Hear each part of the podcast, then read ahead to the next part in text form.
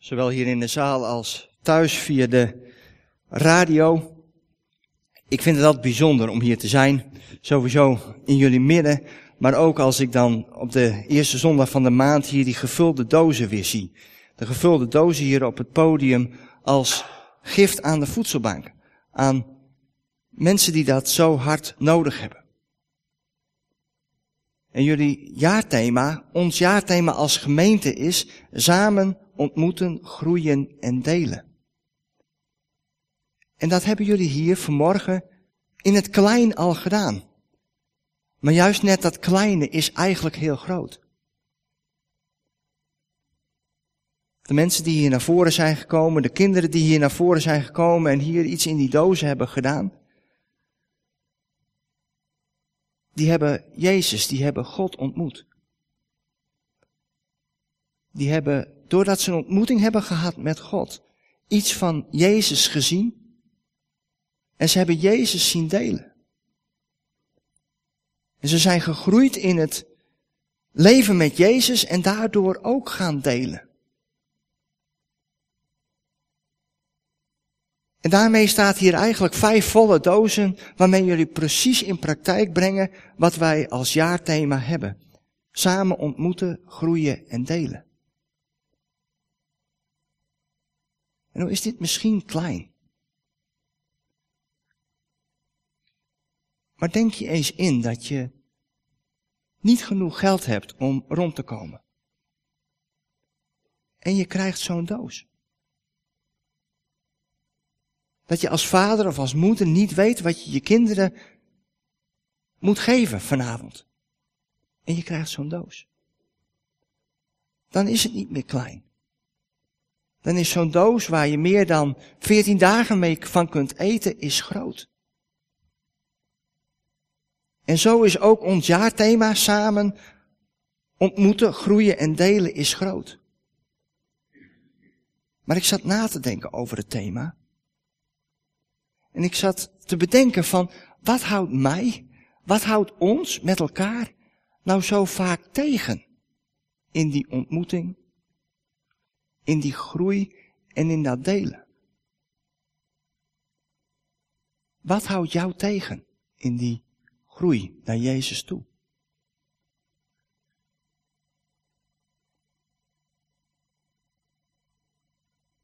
En een van de dingen die bij mij heel sterk naar voren kwamen, was dat het vaak gaat over gebrek aan overwinning. Wij groeien zo vaak niet omdat we in het hoekje terechtkomen waar we verslagen zijn. Waar we uit het veld geslagen zijn. Terwijl de Bijbel, het woord van God, zoveel mooie dingen zegt over geestelijke overwinningen halen. Maar hoe kan het dan? En wat kunnen we van de Bijbel leren om meer overwinning in ons leven te halen? En zijn het dan kleine overwinningen of grote overwinningen? Vaak is dat wat we met elkaar delen, heeft ook te maken met die overwinning. Want vaak als we midden in een persoonlijke strijd zitten, als we even niet weten hoe we verder moeten, dan zijn we vaak niet zo van het delen. Maar op het moment dat we hebben overwonnen, op het moment dat het achter ons ligt, de strijd, ja dan willen we nog wel eens vertellen. Dan kunnen we getuigen. Hoe kan het nou dat we meer overwinning halen? Nou, als ik dan in de Bijbel kijk, dan staan daar prachtige geschiedenissen in van mensen die overwinningen halen met God. En misschien wel een van de bekendste verhalen is het verhaal van David en Goliath. En toen vroeg ik mijzelf af, zo in de voorbereidingen, wanneer ik voor het laatst een preek heb gehoord over David en Goliath. Nou, toen moest ik heel ver terug in de geschiedenis. Mijn eigen geschiedenis. Ik denk dat dat op, ja, toen ik zelf naar de zonderschool mocht gaan. Dat daar ongeveer de laatste keer is geweest dat ik over David en Goliath heb horen spreken. Want het is zo'n bekend verhaal geworden. Maar ik denk, ik lees het vanmorgen toch. Ik lees vanmorgen dat verhaal van David en Goliath. Om juist net daarin iets te zien van die grote overwinning die we met God kunnen halen. En dat, die geschiedenis staat in 1 Samuel hoofdstuk 17. 1 Samuel hoofdstuk 17 vers 31 tot en met 50. De geschiedenis is in het echt nog langer, maar ik pak er een deel uit. En eigenlijk begint de geschiedenis met de vraag die David stelt. Een prachtige vraag, een heerlijke vraag in vers 26. Wat gebeurt er met degene die die Filistijn daar verslaat en Israël van deze schande bevrijdt? Dat is de vraag die David stelt. Eerst aan zijn broers, dan aan andere mensen. En dan staat er in vers 31, Davids vragen bleven niet onopgemerkt. Men vertelde het aan Saul en die liet hem bij zich komen. David zei tegen Saul, we om die Filistijn toch niet de moed te verliezen, heer? Ik zal met hem het gevecht aangaan. Maar je kunt hem toch onmogelijk aan, wierp Saul tegen. Je bent nog maar een jongen. En hij is al van jongs af aan gewend om te vechten. Ik heb altijd de kudde van mijn vader gehoed, antwoordde David. Wanneer er een leeuw of een beer kwam om, de, om een schaap of een geit uit de kudde te stelen, ging ik er achteraan, overmeesterde hem en redde het dier uit zijn muil. En als hij me wou aanvallen, greep ik hem bij zijn kaken en sloeg ik hem dood. Leeuwen en beren heb ik verslagen. En die, onbesneden Filistijn, zal het net zo vergaan. Omdat hij de gelederen van de levende God heeft beschimd. De Heer, die me gered heeft uit de klauwen van leeuwen en beren, zal me ook redden uit de handen van deze Filistijn. Ga dan, zei Saul tegen David, en mogen de Heer je bijstaan. Hij gaf hem zijn eigen uitrusting en hielp hem die aan te doen. Een bronzen helm voor op zijn hoofd en een borstkuras. Ten slotte gorde David het zwaard om en probeerde een paar passen te lopen. Omdat hij aan zo'n zware uitrusting niet gewend was. Ik kan hier niet mee lopen, zei hij tegen Saul. Ik ben dat niet gewend. En hij deed zijn uitrusting weer af.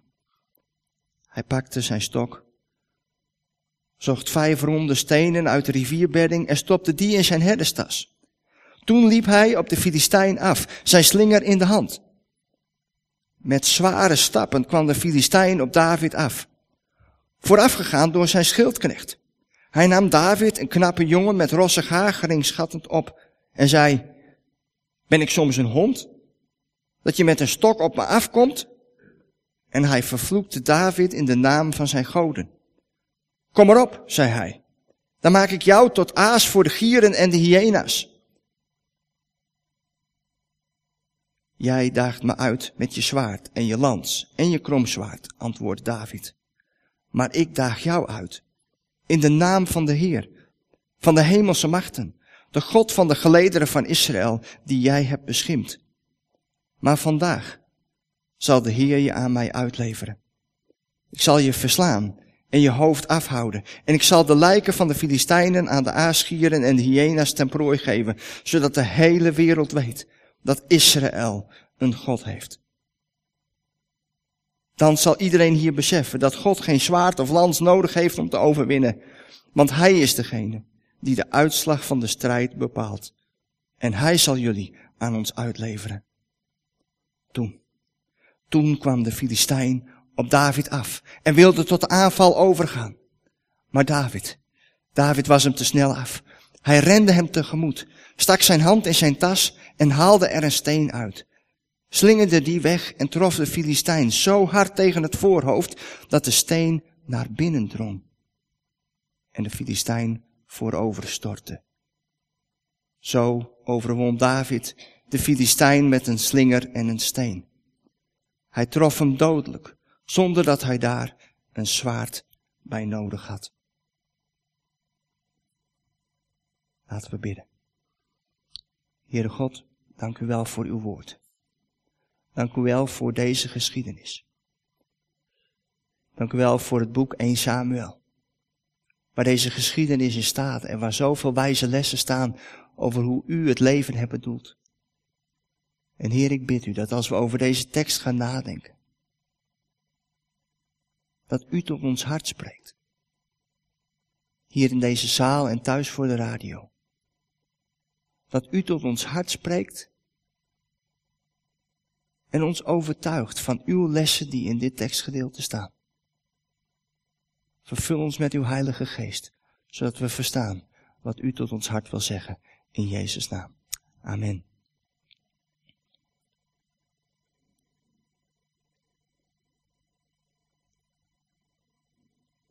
Op het moment dat wij als mensen voor een strijd staan en die strijd verliezen,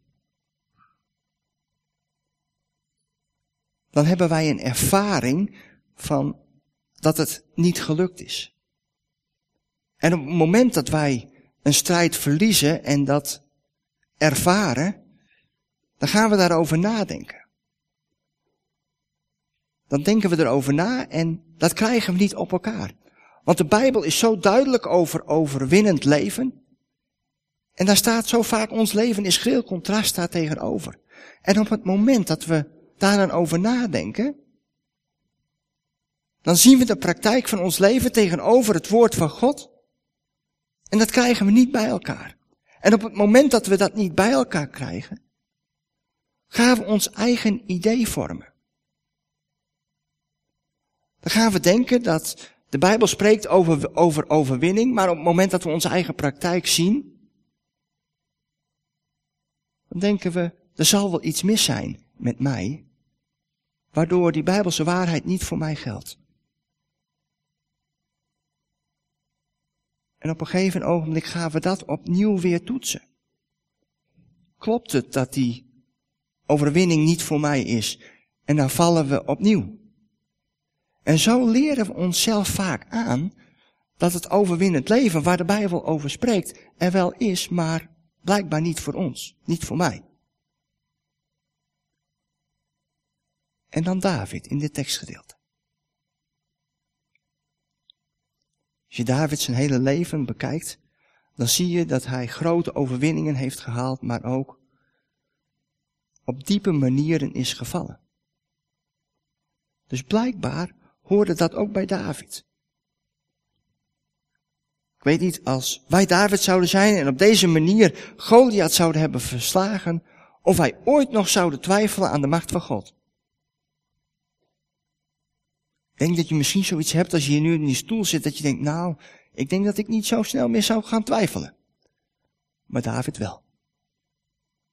David is daarna nog talloze keren gevallen, maar toch was hij een man naar Gods hart. En als we dan kijken naar dit tekstgedeelte, dan zien we een aantal bijzondere ja, gebeurtenissen, bijzondere voorvallen, waardoor David hier die overwinning behaalt. En het eerste, en dat, moet je bijna tussen de regels door, moet je dat lezen.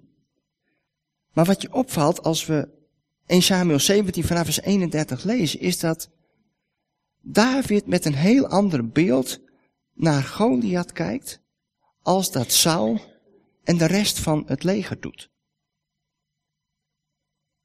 David kijkt met hele andere ogen naar wat daar in dat dal gebeurt.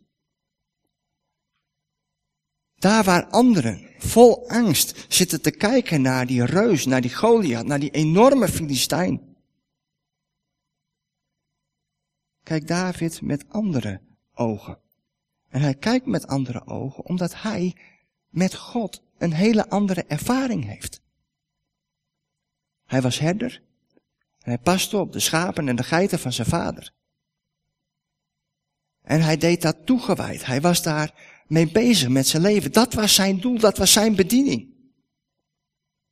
En op het moment dat hij met die schapen bezig was, hij verloor er niet één uit het oog. En dan kwam er een leeuw of een beer, kwam om een van die schapen of die geiten te roven. En hij hield zoveel van die schapen en geiten van zijn vader. Dat hij achter die leeuw, die beer aanging. En het schaap of de geit bevrijdde En die leeuw, als die hem nog te pakken wilde nemen, sloeg hij hem dood. Ik denk dan hij liever dan ik. Ik weet niet of ik dat lef zou hebben. Jullie wel? Lopen jullie allemaal achter die beren en die leeuwen aan om dat schaapje te redden? Nee toch? Nee, ik zie een hoop mensen nee schudden, dat, dat snap ik. Maar David deed het wel. Blijkbaar omdat hij ook iets begreep van wat er in Genesis hoofdstuk 1 en Genesis hoofdstuk 2 beschreven staat. Daar krijgt Adam immers de opdracht om te heersen over de vissen, over de dieren op het veld. Alles is aan de mensen gegeven om daarmee God te eren. Dus hij wist tot in het diepst van zijn wezen dat God hem de opdracht had gegeven om voor die dieren te zorgen. En ik denk dat daar een basis ligt van waarom David achter die leeuw en die beer aangaat. Maar vanuit die ervaringen die hij opdoet met die leeuw of die beer, kijkt hij ook naar die Filistijn. En dan denkt hij bij zichzelf, jongen, die leeuw en die beer die zagen er veel gevaarlijker uit dan deze Filistijn.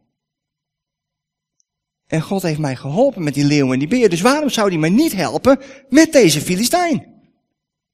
Daar waar Saul en dat hele leger andere beelden had, had hij deze ervaring en had hij dat beeld. Hij keek vanuit Gods perspectief naar deze Filistijn. En ik denk dat dat de eerste les is uit de tekstgedeelte voor ons vandaag. Als je geconfronteerd wordt met strijd, probeer altijd het vanuit Gods perspectief te zien.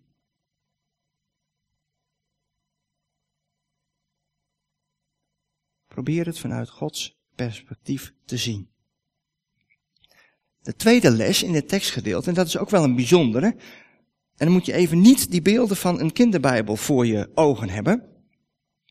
Maar dat is wat er dan gebeurt als David met Saul in gesprek komt. Saul is ontzettend blij dat er iemand is die toch ten strijde wil trekken tegen deze Filistijn, tegen deze reus Goliath. En dan vindt daar zo een gesprek plaats. En dan zegt David, leeuwen en beren heb ik verslagen en die onbesneden Filistijn zal het net zo vergaan. En Saul zegt dan in vers 37, ga dan. Ga dan maar, David. En dan vers 38 gebeurt wel iets bijzonders. Hij gaf hem zijn eigen uitrusting en hielp hem die aan te doen. Dan weten we dat Saul een kop groter was dan gemiddeld het volk. Maar we weten ook dat hij uitblonk in wijsheid. Dat was de reden waarom God hem gekozen had, in eerste instantie als koning. En verwacht je van een man die een kop groter is dan de rest, die uitblinkt in wijsheid, dat hij een klein jongetje zijn eigen helm en harnas geeft? Ik denk het niet. Ik denk dat David en Saul ongeveer even groot zijn geweest. Dus dat David ook een sterke jonge man was. Die dat helm en dat borstpanzer moet hebben gepast. Want anders kun je toch niet in deze situatie waarin zoveel angst is en waar, waar het zo op dit ene gevecht aankomt, zeggen nou doe dan mijn borstpanzer maar aan en gort mijn zwaard maar om. David was hier als grote man. Dan heeft hij zo dat harnas aan en die helm op.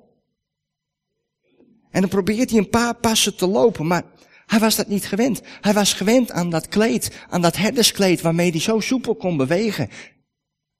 En zo snel achter die leeuw en die beer aankom.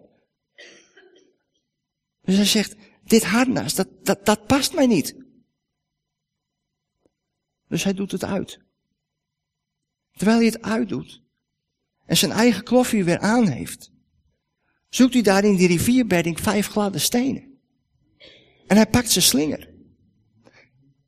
En zo, daar waar hij goed in is, daarmee gaat hij de strijd aan. En ik denk dat daar een onvoorstelbaar belangrijke les is voor elke strijd waarmee wij geconfronteerd worden. Want vaak worden wij aangevallen op waar we niet zo sterk zijn. En daar waar we niet zo sterk zijn, is het heel lastig om die strijd vervolgens te strijden.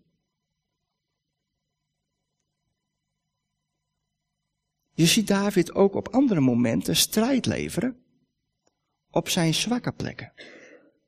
En daar zie je hem verliezen en daar zie je hem ook vluchten. Neem je even mee in een andere geschiedenis van David als hij moet vluchten voor Absalom. Als hij vlucht, moet vluchten voor Absalom, is dat zijn eigen zoon. Jullie kennen misschien het verhaal van David en Bathsheba. Dat hij overspel pleegt met de vrouw van Uria. En dat daar een kind uit voortkomt. En terwijl daar een kind uit voortkomt, zegt God, je zult dit kind moeten verliezen. En dan is David daar. En er staat in de Bijbel dat hij diep rouwt over het verlies van dat eerste kind, wat hij met Bathsheba krijgt. Dus David had tot in het diepst van zijn wezen gemerkt dat een kind waar, hij, die hij mede verwekt had, dat hij die moest afstaan. Dat hij die moest verliezen. Als gevolg van zijn zonde. Dus reken maar dat David een enorm gat in zijn hart, een enorme wond in zijn ziel heeft gehad. Omdat hij dat kind heeft moeten verliezen. En dan zie je hem vervolgens. Als weer een van zijn kinderen, Absalom, tegen hem in opstand komt. Dat dat een zwakke plek van hem is. En dan zie je hem niet de strijd aangaan. Dan zie je hem niet deze woorden gebruiken. Leeuw en beer heb ik verslagen. Ik heb zelfs Goliath verslagen. En ik zal nu ook mijn eigen zoon verslaan. Nee, daar, waar hij niet goed was, vluchtte hij. Hij vluchtte weg bij die situatie. En wat er dan zo prachtig staat in de Bijbel, dat een van de legeraanvoerders hem daarop aanspreekt, waarom ga je niet te strijden tegen je eigen zoon? En dan zegt hij, God zal voor mij strijden. En God doet het. Uiteindelijk herstelt God Davids macht.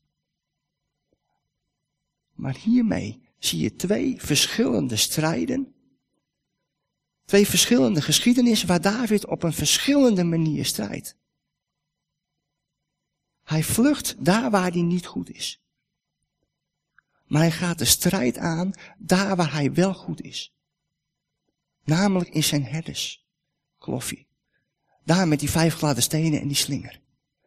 Daarop was David onverslaanbaar, omdat God hem die gaven en talenten had gegeven. En daarom, lieve mensen,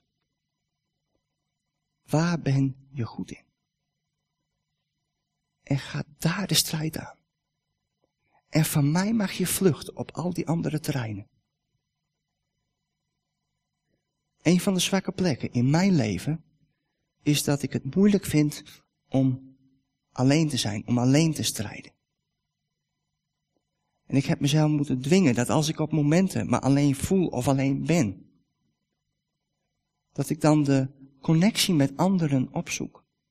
Want zodra ik mijn leven ga delen, zodra ik contact zoek met anderen, gaat mijn eenzaamheid weg en gaat het gevoelige punt in mijn hart komt op de achtergrond. En wat ik mezelf nu train, op het moment dat ik in spannende situaties kom, dat ik dreig te verliezen in mijn persoonlijk leven, om dan de verbanden met anderen te zoeken, een vriend op te bellen, even via de WhatsApp contact te hebben. En een van mijn vrienden zegt, hoef ik alleen maar te zeggen, het is weer zover. En dan weet hij hoe hij moet reageren. Daar waar ik zwak ben, heb ik vrienden om me heen die mij helpen.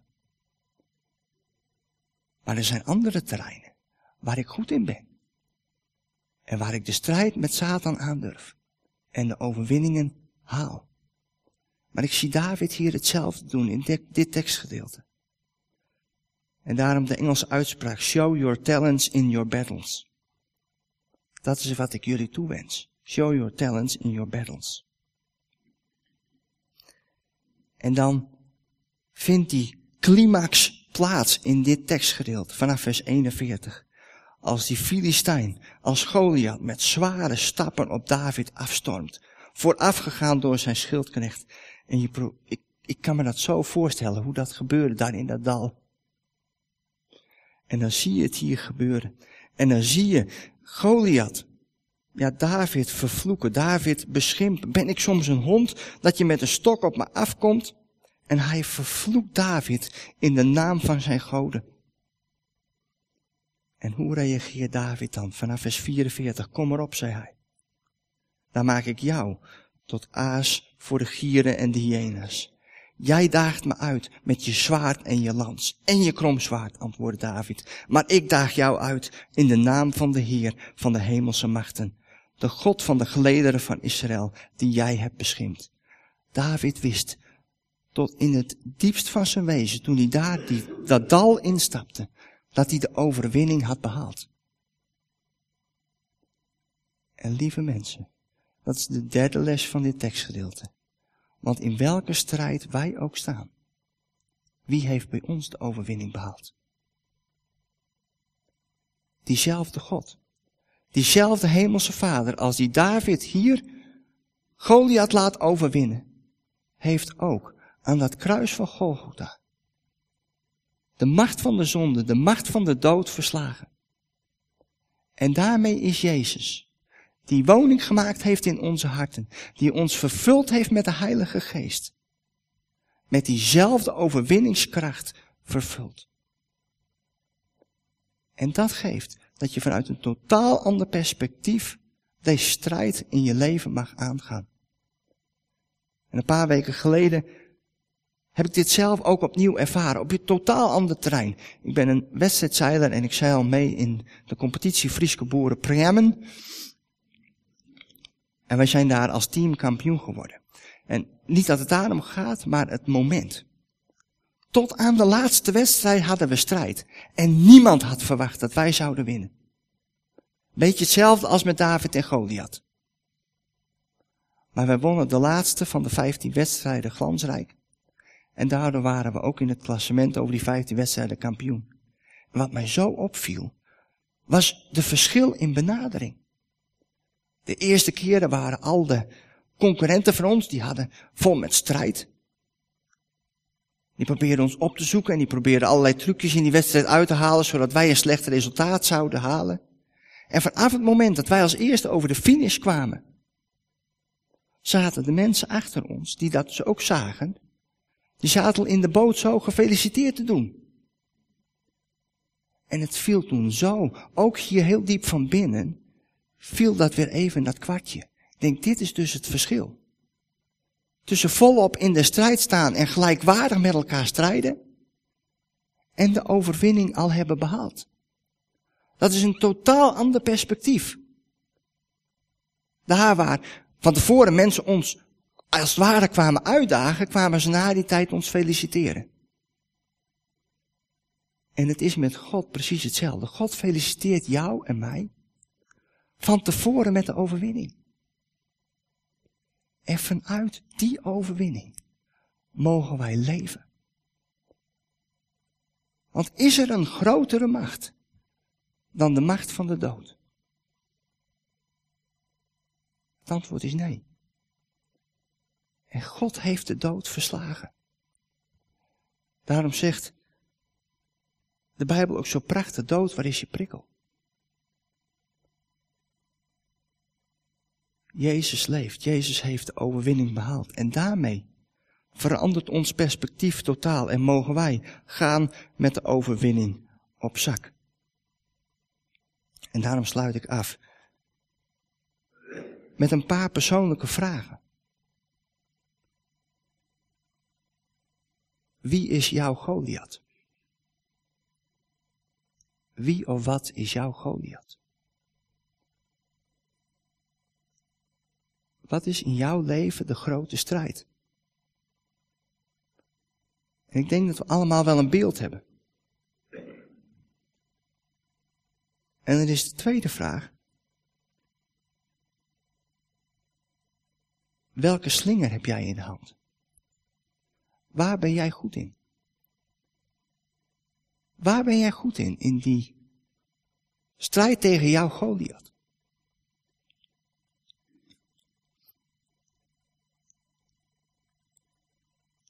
En kies ervoor om de strijd aan te gaan op je eigen terrein. En lukt dat niet, zorg dan net als David dat je vlucht uit die strijd vandaan en zorg dat je ja, het leger groter maakt. Net als David toen deed toen hij met Absalom geconfronteerd werd. Maar wie is jouw Goliath en wat is jouw slinger? En kun je daar met Gods hulp vanuit zijn perspectief naar kijken? Kun je jouw Goliath met jouw slinger aangaan met de overwinning op zak? Omdat Jezus werkelijk waar alle macht heeft in de hemel en op de aarde. Ik vind het zo bijzonder dat Jezus zo zijn discipelen op weg stuurt in Matthäus hoofdstuk 28. Wanneer hij zo duidelijk zegt, mij is gegeven alle macht in de hemel en op de aarde. En omdat mij die macht gegeven is, mogen jullie gaan. Mogen jullie gaan, ontmoeten, groeien en delen. En ik weet zeker dat als we deze principes van David en Goliath tot ons nemen. Dat we nadenken over wat onze slinger is. En dan die strijd aangaan dat de overwinningen zullen vermenigvuldigen. De overwinningen zullen groter worden. En daar waar je misschien op dit moment denkt van nou, voor mijn strijd is er geen overwinning, dan hoop ik dat de Heilige Geest diep in jouw hart vanmorgen je overtuigt dat er overwinning is over jouw strijd. Niet omdat jij zelf zo groot en zo sterk en zo machtig bent, maar omdat God zo groot en sterk en machtig is en woning gemaakt heeft in jouw hart. Maar kies je daarvoor om net als David dat dal in te gaan, op weg te gaan, met zijn slingen, met die vijf gladde stenen, en te gaan in de kracht van onze hemelse Vader. Zullen we bidden. Heere God, dank u wel dat we dicht bij u mogen zijn. Dank u wel voor de geschiedenis van David en Goliath. Waarin ook zulke praktische lessen zitten voor ons vandaag. Dank u wel dat wij ook de strijd van ons leven mogen zien in uw perspectief. Dat we ook van u een slinger hebben gekregen in onze hand. Waar we echt goed in zijn. En heren, dat we dan vanuit dat perspectief en met die slinger in de hand mogen gaan met de overwinning op zak. Heer, omdat u werkelijk waar alle macht hebt in de hemel en op de aarde. Heer, en ik bid dat u in ons hart komt, daar waar we ons zo verslagen voelen. En dat u daar komt met nieuwe hoop. Nieuwe perspectieven nieuwe kracht. Hier om in uw overwinning te gaan staan. En Heer, geef dat daar waar we overwinningen hebben behaald, waar we misschien al op vele terreinen hebben getuigd, dat die overwinningen zich zullen vermenigvuldigen. Dat die groter zullen worden. Dat we een leger zullen worden, een leger in uw naam met een aaneenschakeling van overwinningen. Heer, zegen ons daarmee hoofd voor hoofd. In Jezus' naam. Amen.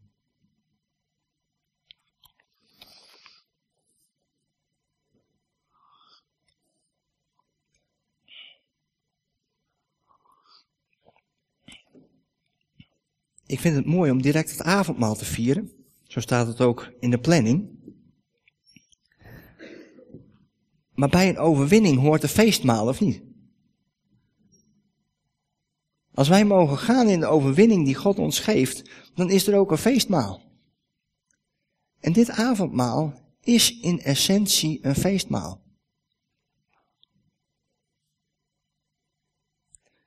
En daarom vind ik het bijzonder om dat zo met elkaar te mogen vieren. klaarmaken.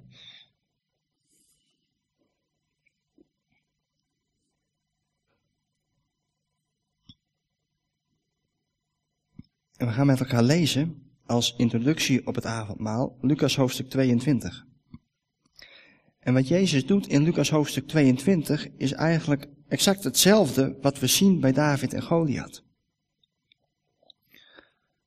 Want als Jezus het avondmaal instelt, dan staat hij nog voor zijn lijden en sterven. En je merkt ook als hij daarna de strijd voert in Gethsemane hoe heftig die strijd is. Maar als je het evangelie leest, als Jezus het avondmaal instelt, dan merk je ook aan allerlei details dat Jezus overtuigd was van de overwinning. Hij wist hoe diep die door het dal moest gaan, maar hij wist ook hoe groot de overwinning zou zijn die hij zou behalen.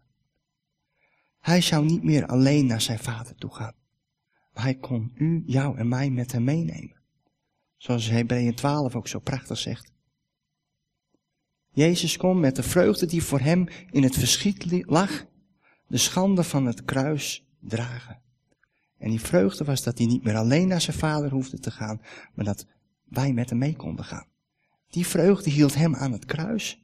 En die overwinning proefde hij eigenlijk al toen hij het avondmaal instelde. Dus laten we lezen uit Lucas hoofdstuk 22 vanaf vers 14. Lucas 22 vanaf vers 14. Toen het zover was, ging hij samen met de apostelen aanliggen voor de maaltijd. Hij zei tegen hen, ik heb er hevig naar verlangd dit Pesachmaal met jullie te eten, voor de tijd van mijn lijden aanbreekt. Want ik zeg jullie, ik zal geen Pesachmaal meer eten, voordat het zijn vervulling heeft gevonden in het koninkrijk van God. Hij nam een beker, sprak het dankgebed uit en zei, neem deze beker en geef hem aan elkaar door. Want ik zeg jullie, vanaf nu zal ik niet meer drinken van de vrucht van de wijnstok, tot het koninkrijk van God gekomen is. En hij nam een brood, sprak het dankgebed uit, brak het brood, deelde het uit en zei, dit is mijn lichaam dat voor jullie gegeven wordt. Doe dit telkens opnieuw om mij te gedenken. Zo nam hij na de maaltijd ook de beker en zei, deze beker die voor jullie wordt uitgegoten, is het nieuwe verbond dat door mijn bloed gesloten wordt. Tot zover. De Heer Jezus nodigt ons allemaal uit aan zijn tafel om deelgenoot te worden van zijn overwinning. Wetende dat dat verbroken brood symbool staat voor het verbroken lichaam van Jezus aan het kruis. Zijn lichaam moest gebroken worden, zodat ons lichaam niet gebroken hoefde te worden. En op het moment dat je meedoet aan het avondmaal en een stukje brood eet, word je deel van dat deel van Jezus, van dat verbroken, van die verbrokenheid. Wetende dat daardoor, dat daarin vergeving ligt. Voor werkelijk waar alles. Alles wat niet goed is in ons leven. Jezus vergiet zijn bloed daar aan het kruis. Het bloed dat stroomt. Het bloed waar leven in zit. En op het moment dat je een slokje wijn neemt zo, dan mag het leven van Jezus je doorstromen in al zijn volheid. En dat feestmaal, die overwinning over zonde, dood, ligt voor jullie allemaal klaar. En ik wil jullie daarom heel hartelijk uitnodigen om mee te doen aan dit avondmaal. Deelgenoot te worden aan, dit, aan deze overwinningsmaaltijd. Daarom wil ik nu een moment ook stil zijn, wanneer je gewoon heel persoonlijk met God even mag spreken. En tegen hem dat mag zeggen wat je op je hart hebt. Misschien wil je nog graag iets tegen hem zeggen, misschien iets beleiden. Neem daar dan dit moment voor.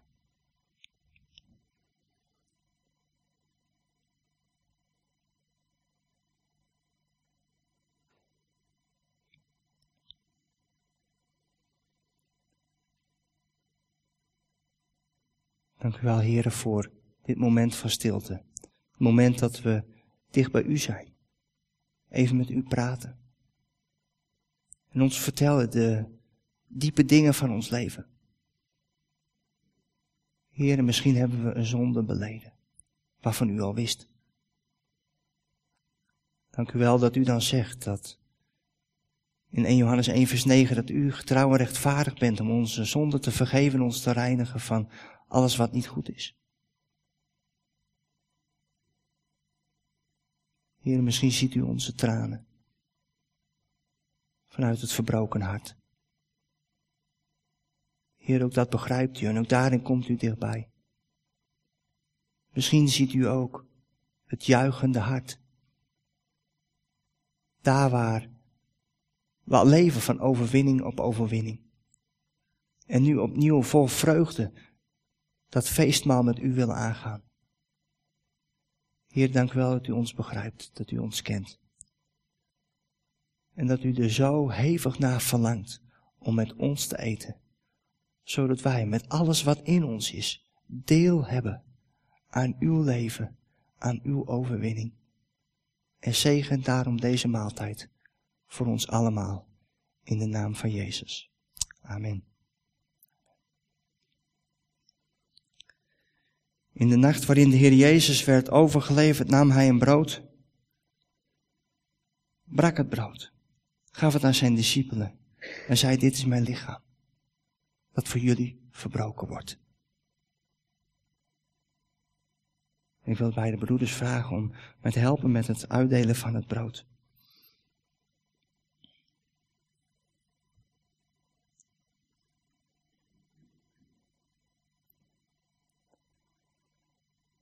Brood wordt uitgedeeld. U mag even wachten met het eten totdat we het allemaal hebben. Had ook voor de mensen thuis. Neemt u gerust een stukje brood en een slokje wijn wat klaar staat. En vier het zo meteen samen met ons.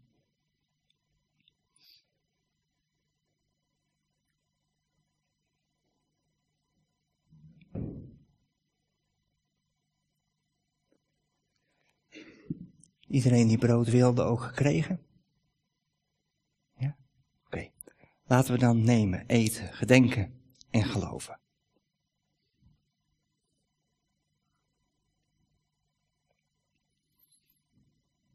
Na de maaltijd nam de Heer Jezus de beker, gaf hem aan zijn discipelen en zei, deze beker die voor jullie wordt uitgegoten is het nieuwe verbond dat door mijn bloed gesloten wordt. Er is een nieuw contract. Een nieuwe verklaring uit de hemel, getekend door het bloed van de Heer Jezus zelf. Waarin staat dat wij vrij zijn.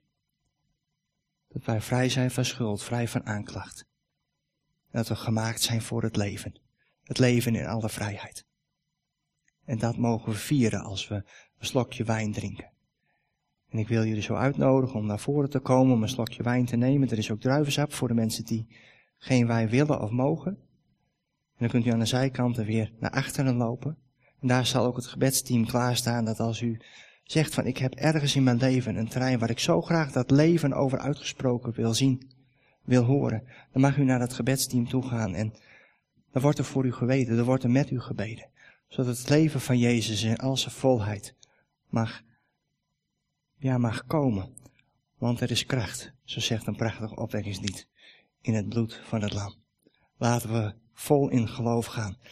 Ik wil de beide mensen vragen die mij helpen met het uitdelen van de wijn om ook naar voren te komen en daarna mag u aansluiten.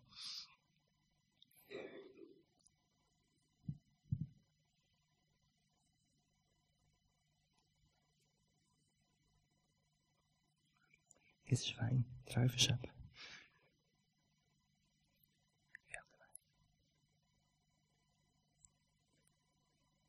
Mag ik u uitnodigen?